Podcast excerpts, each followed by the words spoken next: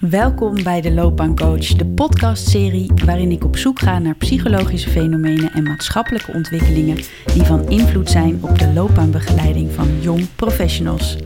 Deze podcast wordt gemaakt vanuit de leergang loopbaancoaching van de Hogeschool van Amsterdam en mijn naam is Japke Ebbingen. Vandaag gaan we het hebben over mindfulness. Wat is het wel en wat is het niet? En wat heeft het te maken met positieve psychologie?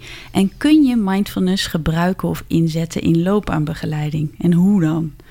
Hierover ga ik in gesprek met Ed Caffin, psycholoog, mindfulness trainer en verbonden als docent aan de opleiding toegepaste psychologie en binnenkort ook de cursus positieve psychologie onder het programma van Leven Lang Ontwikkelen. Daarnaast runt Ed ook zijn eigen Roema Yoga School, waar hij een heel aanbod heeft om mensen ja, eigenlijk te ondersteunen in het, op het gebied van bewustzijnontwikkeling. En daarin geeft hij yoga en mindfulness trainingen. Ed, welkom. Dankjewel, heel leuk hier te zijn.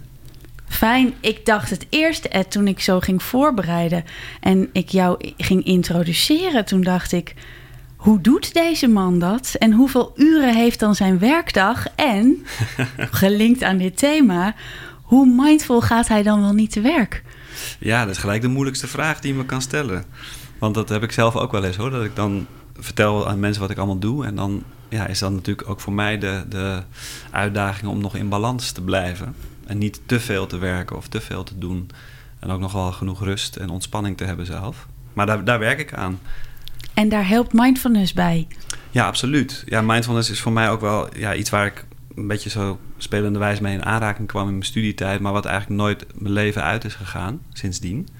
Uh, en waar ik ja, op dagelijkse basis probeer mee bezig te zijn. Niet alleen uh, ja, dat leren aan mensen, maar juist ook het zelf doen. Juist het zelf beoefenen. En hoe, je zei het even zo, het kom, kwam in je studietijd op je pad. Hoe, hoe kwam het op je pad? Wanneer dacht je, hé, hey, hier, hier wil, moet, kan ik meer mee? Nou, het was wel interessant. Een, een hele toegankelijke weg eigenlijk. Omdat ik uh, een beetje last van mijn uh, rug had. En mijn schouder. Dan zei mijn beste vriend, ga eens mee naar een yogales. Een beetje strekken. En, en, dat werkte wel goed. Ik had niet meer zo last van mijn rug die week daarna. En ik ging nog een keer en nog een keer. En dat werd steeds meer. Maar de docent die ik toen had, bood ook een meditatiecursus aan. En na een paar maanden ben ik dat gaan doen. En dat vond ik zo interessant. Er ging echt een wereld voor me open.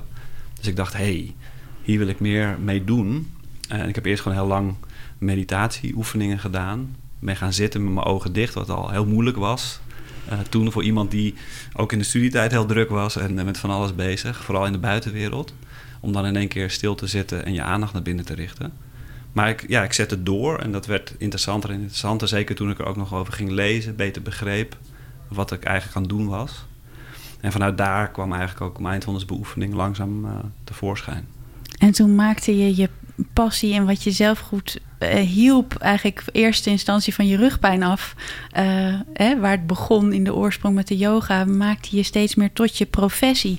Ja. Nou is er heel veel um, ruis ook over mindfulness. Want ik denk dat we het begrip mindfulness in die zin misschien niet meer hoeven uitleggen, omdat iedereen het woord waarschijnlijk wel eens een keer heeft gehoord. Ja. Maar er is ook wel heel veel.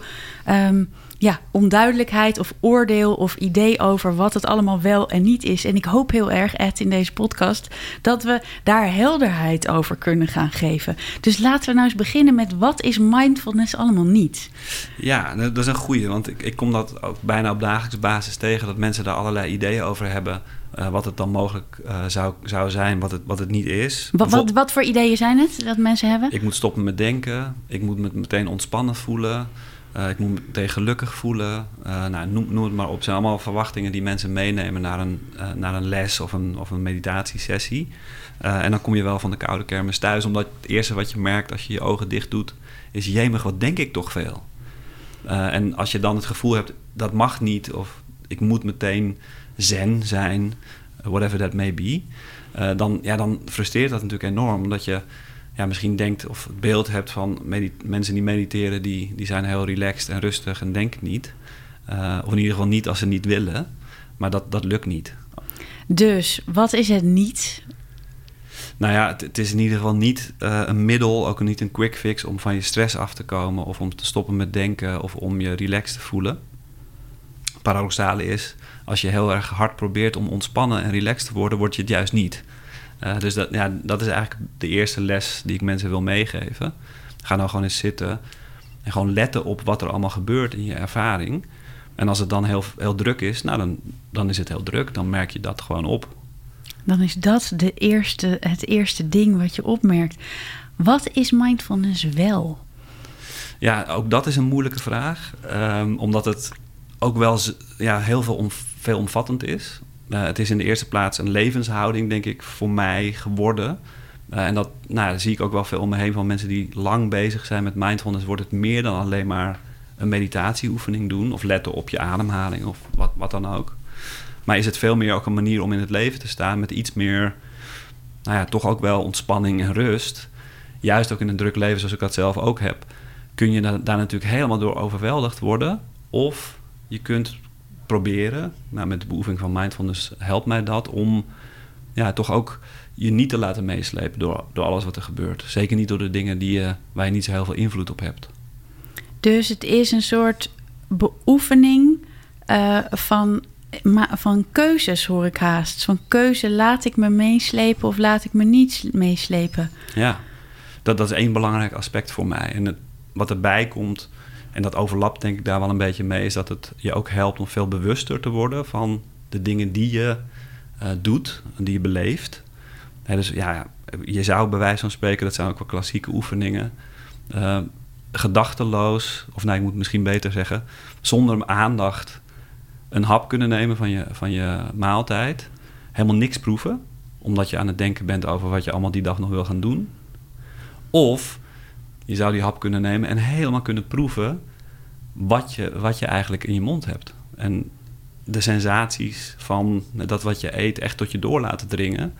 Uh, en met alle aandacht en bewustzijn dat moment meemaken, die ene hap.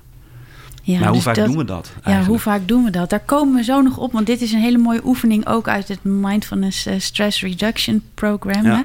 Daar, komen we, daar komen we zo op. Um, maar Edel Maxi noemt het ook wel het trainen van de milde open aandacht. En dat hoor ik jou eigenlijk ook zeggen. Je kan dus gedachteloos dat broodje of die muesli of wat je dan ook voor het ontbijt naar binnen werkt, naar binnen werken. Maar je kunt het ook heel omvattend uh, ervaren. Dus ja. de structuur, de, de smaak, de zoetigheid, de zoutigheid, et cetera. Ja, en wat ik in die, in die definitie van Edel Marx wel interessant vind... is dat die milde aandacht voor mij is dat ook heel erg... een soort aandacht waar geen oordeel bij zit. Uh, die heel, inderdaad heel open is.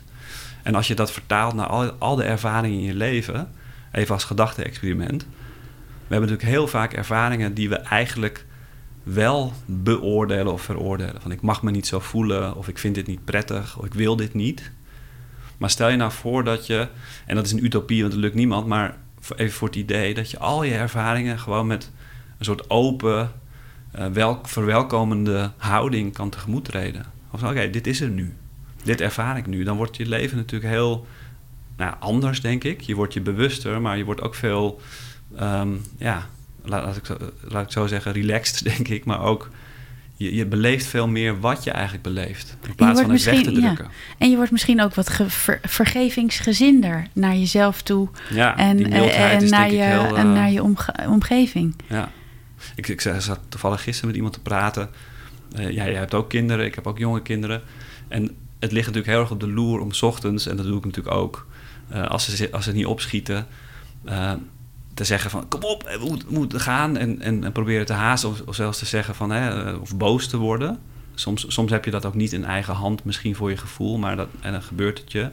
Maar stel je nou voor dat we daarin ook heel mild kunnen zijn. En gewoon zo, oké, dit is wat er nu is. En zij zijn nu even afgeleid door iets. Maar dan kan ze wel vriendelijk bij de hand nemen. Dan kom je veel sneller naar buiten dan dat je en een soort boosheid of een kramp van ik wil dit niet. Dan raak je helemaal in de strijd en dan uh, gaat de tijd eigenlijk, staat hij helemaal stil. Terwijl dus je het is een hele mooie, nou, net als dat eten, denk ik een hele mooie metafoor voor hoe het soms in het leven is dat je je verzet tegen dat wat er eigenlijk al is. Mhm. Terwijl die mindfulness beoefening of die mindvolle houding heel erg ja, propageert, denk ik, van oké, uh, stel je open voor wat er is in plaats van je daartegen te verzetten. Ja. En dan stroomt het leven veel makkelijker. En dit is al, je noemt het woord weer mooi. Uh, dit is de mindfulness beoefening. In ons voorgesprek zei je, ja Japke, er zijn eigenlijk twee delen in mindfulness. Je hebt natuurlijk de mindfulness als oorspronkelijke filosofie of oosters gedachtegoed. En je hebt de beoefening. Kan je nog iets zeggen over ja, misschien de oorsprong of de bron van dat mindfulness verhaal? Ja, ja het, is een, het is een heel oud, ja, ik, ik zou bijna niet willen zeggen begrip, omdat het veel meer is dan een begrip. Maar uh, het is een, ja, natuurlijk heel boeddhistische, uh, ja, of het heeft een boeddhistische grondslag, laat ik het zo zeggen. Uh, maar het is natuurlijk een hele levenshouding die, die erbij komt kijken op het moment dat je, um, nou ja, wat ik net ook zei, in je leven veel, veel meer zonder oordeel en accepterend uh, dingen kunt loslaten, uh, dingen tegemoet kunt treden met volle aandacht en bewustzijn. Uh, en dat is precies wat in die boeddhistische boodschap zit, waar mindfulness uit afkomstig is, um, maar dan zonder het religieuze aspect. En als je het dan hebt over de beoefening van mindfulness zoals we die nu, anno nu kennen, al, al, een aantal decennia is in het Westen heel veel aandacht voor mindfulness beoefening, dan wordt de techniek eigenlijk gepakt en in een heel ja, seculier uh, context geplaatst. Uh, wat natuurlijk heel mooi is, want je hoeft helemaal niks te geloven. Je kunt het gewoon beoefenen als techniek. En dan gaat het dus ook over zitten, bijvoorbeeld, op je adem letten. Maar ook daarin een soort open, nieuwsgierige houding cultiveren van wat er op dat moment in je ervaring is. Dus ook daarin, in de beoefening, zie je dat wel, zie die levenshouding eigenlijk in het klein ook terug. Precies, dus het is, een, het is echt een beoefening van een levenshouding. Nou, we gaan straks nog de brug maken naar loopbaanbegeleiding. Uh, maar het is in de essentie een way of living zonder, die is vertaald eigenlijk zonder dus het boeddhisme of zonder de religie ervan. Uh, John Kabat-Zinn die ontwikkelde een mindfulness, hoe zeg ik het goed? Mindfulness-based stress reduction programma. Mindfulness-based stress reduction programma. En uh, dat is een acht weken durend programma. Kan je ons meenemen? Hoe ziet dat programma eruit? Wat doe jij dan met mensen? Uh, ja, ik, ik volg uh, nog, nog redelijk ehm, het, het, originele protocol... zoals hij dat al eind jaren 70 in Amerika ontwikkelde. Waarin je eigenlijk stap voor stap leert hoe je kunt mediteren. Maar dan vooral de mindfulness meditatietechniek leer je, leer je aan. Dus je begint met nou, korte periodes zitten met je ogen dicht, zoals ik dat ook deed in mijn studietijd. Proberen, terwijl je aan van alles aan het denken bent, ook nog gewoon op je ademhaling te letten. Super moeilijk. um, en vervolgens nou, ga je naar wat meer bewegende oefeningen, wat dicht bij yoga komt, maar het niet helemaal is. Uh, ga je naar ja, toch al wat meer, um, hoe moet je dat zeggen? Um, moeilijkere oefening in de zin dat je langer zit. Uh, en dat je ook meer op je gedachten bijvoorbeeld gaat letten of op je emoties. Uh, en zo ga je door het programma heen en probeer je tegelijkertijd alles wat je leert in de oefeningen mee te nemen naar je dagelijks leven. En dat, dat maakt die training zo krachtig. Het is niet alleen maar uh, het oefenen in zitten en meditatieoefeningen doen, maar juist ook kijken naar hoe kan ik mindfuller en bewuster leven. En hoe gaat dat mensen dan af? Zijn ze dan na acht weken verlicht? Of ga ik dan nu weer in wat ja, mindfulness weer, niet is? Precies, dat is weer een van de dingen die mindfulness niet is. Uh, verlicht raken. Um, ik bedoel, daar, daar, kun je een hele discussie, een hele podcast nog over vullen. Maar um, nou, mensen passen het soms toe om gewoon een moment in de dag te hebben... dat ze even niets hoeven van zichzelf, behalve dan de meditatieoefening. Maar ik zie ook mensen die, ja, voor wie het echt wel levensveranderend is. Dus dat hele spectrum van één oefeningetje doen, één keer per dag of misschien maar een paar keer per week, tot aan mensen die echt radicaal hun leven willen omgooien, omdat ze zich bewust worden van hé, hey, ik ben eigenlijk altijd aan het doen wat andere mensen zeggen. Ik zeg nooit nee. Dat, dat wil ik anders. Of ik wil een andere loopbaankeuze maken, dat kom ik ook tegen.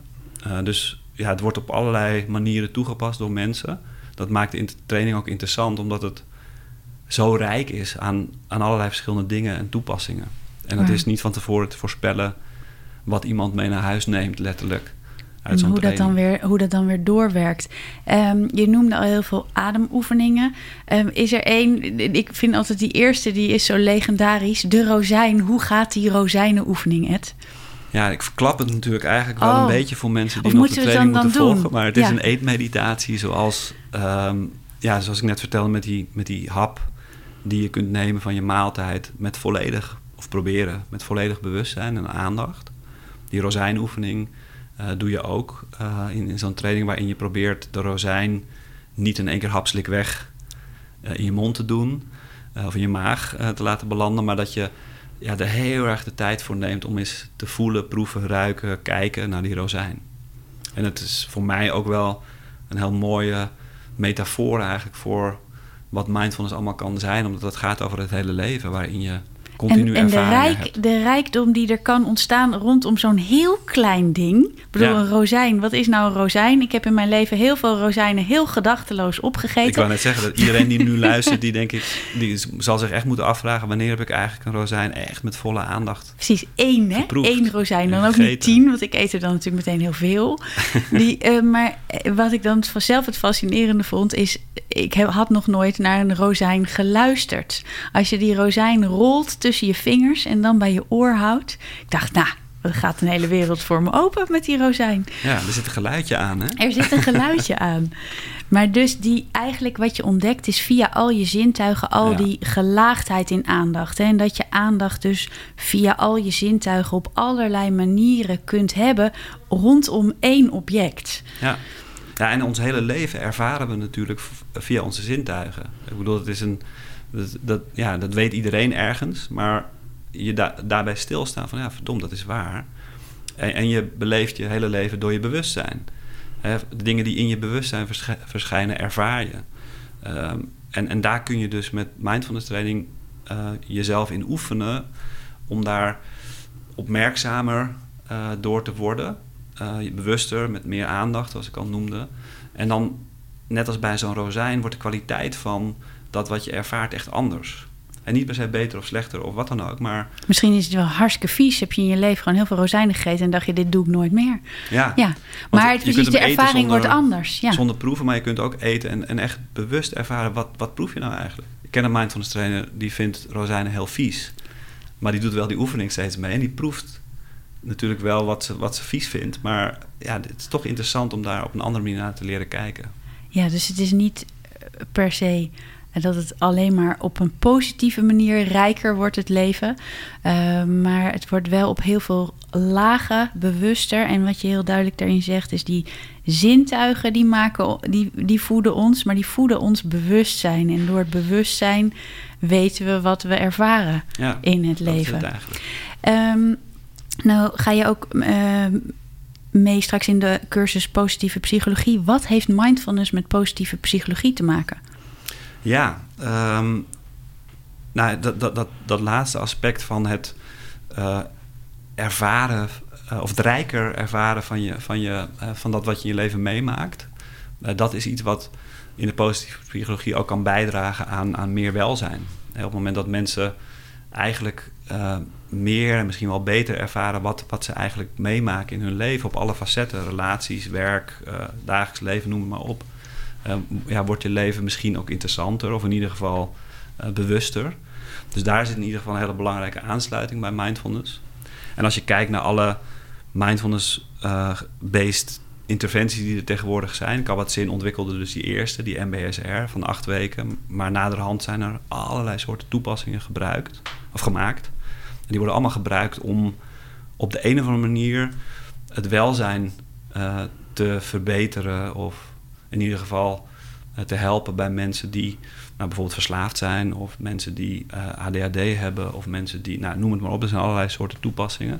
Het gaat heel vaak of bijna altijd in mijn gevoel voor of over het bevorderen van, van welzijn. Dat bevorderen van welzijn, dat zie je ook terug in. eh, Ik heb een podcast opgenomen met Hadassah Kruithof over acceptance en commitment therapy. En ook met Daisy Alsemgeest over eh, compassion focus therapy. Daar zie je ook allemaal elementen van dat mindfulness in terugkomen. Waarom? Hoe zie jij dat? Ja, interessant, want dat, dat zie ik inderdaad ook in, in die derde generatie therapieën zie je dat heel duidelijk terug. En, en mindfulness ja, heeft ook dat compassie-element heel erg eh, voor mijn gevoel in. En die, die, die houding die je eigenlijk cultiveert zitten. maar natuurlijk ook dat accepteren en het loslaten. Ehm, en, en dat is iets wat, ja, ik denk voor mijn gevoel ook een soort natuurlijke ontwikkeling is. Dat we nu ook zien van hé, hey, dat is ook belangrijk. Of dat is misschien wel essentieel om, om meer met die acceptatie, loslaten en compassie te doen. In plaats van ehm, altijd maar proberen een, een oplossing of een rationele oplossing of alleen maar gedachten te kijken, zoals in cognitieve therapie heel lang is gedaan en gedachten corrigeren. We komen er nu denk ik achter dat er, dat er meer nodig is. En dat je misschien wel in het gedachten corrigeren, dat je wel je merkt dat je je bewustzijn kunt beïnvloeden door een andere gedachte te hebben, maar er is meer nodig. Merk je maatschappelijk ook die behoefte? Hoe, hoe verklaar jij dat mindfulness zo booming is geworden? Ja, ja, dit is bij mij heel gelijk opgegaan uh, door uh, die maatschappelijke ontwikkeling en mijn eigen um, fascinatie voor mindfulness. Want in mijn studietijd was er nul aandacht op de opleiding psychologie voor meditatie en mindfulness. Werd het ook al, denk ik, als zweverig gezien nog. Uh, en inmiddels um, is het niet meer weg te denken. En ik denk dat dat voor een deel te maken heeft met de red race waar we met z'n allen best wel in zitten. Um, maar ook met het langzamerhand ontsluiten van de mysteries rondom wat meditatie nou eigenlijk wel of niet is. Omdat we, en, en daar is denk ik de westerse geest heel erg open voor, als het wetenschappelijk onderzocht kan worden. Als je een hersenscan kunt maken, je kunt laten zien wat gebeurt er eigenlijk in een, in een hoofd van iemand die mediteert. Uh, dan worden we, nou ja, denk ik, ook eerder overtuigd of zo. Dus ik, ja, er zijn allerlei ontwikkelingen die een soort van gelijk op lijken. Is daar nu bewijs voor verzameld dat meditatie invloed heeft op die hersenen? Nou, dat was het natuurlijk al heel lang. Mensen rapporteren dat ook zelf al. Alleen nu, ja, of dat nou een echt bewijs of niet. Maar goed, je ziet een hersenscan en je denkt in één keer van, of je ziet in één keer van, hé, hey, dat, dat verandert uh, iets in die hersengolven. Of noem, het maar op, ik zit daar niet heel goed in hoor. Maar dat, dat, op de een of andere manier heeft het wel een duwtje gegeven voor de acceptatie, denk ik, van, uh, van wat mindfulness is. En ook natuurlijk zo'n programma van John Kabat-Zinn... wat dan heel lang wordt gevolgd en lang wordt geëvalueerd... en de effecten daar ook van worden bijgehouden. Ja, ja er is superveel onderzoek naar gedaan. En het, is ook een programma wat, denk ik, zo aantrekkelijk is... omdat het heel erg um, ja, hands-on is. Uh, heel concreet, uh, heel modulair opgebouwd. Hè. Je kunt gewoon in korte sessies... kun je mensen eigenlijk de basics al bijbrengen... van wat meditatie en mindfulness is... En, en je hoeft er niet voor in een klooster te gaan zitten op een berg ergens in Azië. Kijk, en dit is dan ook weer handig voor de mensen die naar deze podcast luisteren. Want ben je nou loopbaanbegeleider of loopbaancoach um, of decaan of studiekeuzeadviseur? Als we zo naar dit verhaal van jou luisteren, Ed, wat kunnen loopbaanbegeleiders hiermee in hun praktijk? Ja, um, nou, ik denk voor de coach zelf is het ook al heel waardevol om bijvoorbeeld meer mindful te zijn. Uh, en, en daar bedoel ik dan mee in het geval van het contact met je cliënt meer aandachtig, meer bewust, meer in het moment. En daar, daar word je gewoon een betere coach door, is mijn ervaring. Uh, en aan de andere kant heb je natuurlijk in de inhoud van waar mensen die loopbaancoaching willen volgen of nodig hebben, heb je natuurlijk met al, allerlei keuzes te maken. Keuzes in het leven van mensen, in, het loop, in de loopbaan van mensen, waarbij mindfulness soms ook helpt voor hen om zich bewust te worden van wat wil ik nou eigenlijk, wat zijn mijn waarden, uh, hoe wil ik leven, hoe wil ik werken. Um, en ik raad het ook wel aan, gewoon als training op zich, aan mensen die uh, bijvoorbeeld richting gespannenheid of overspannenheid gaan, of die op de een of andere manier niet goed hun grenzen weten aan te geven, of die niet zo goed weten hoe ze in een organisatie waar alles heel erg druk en, en vol is, zich staande weten te houden.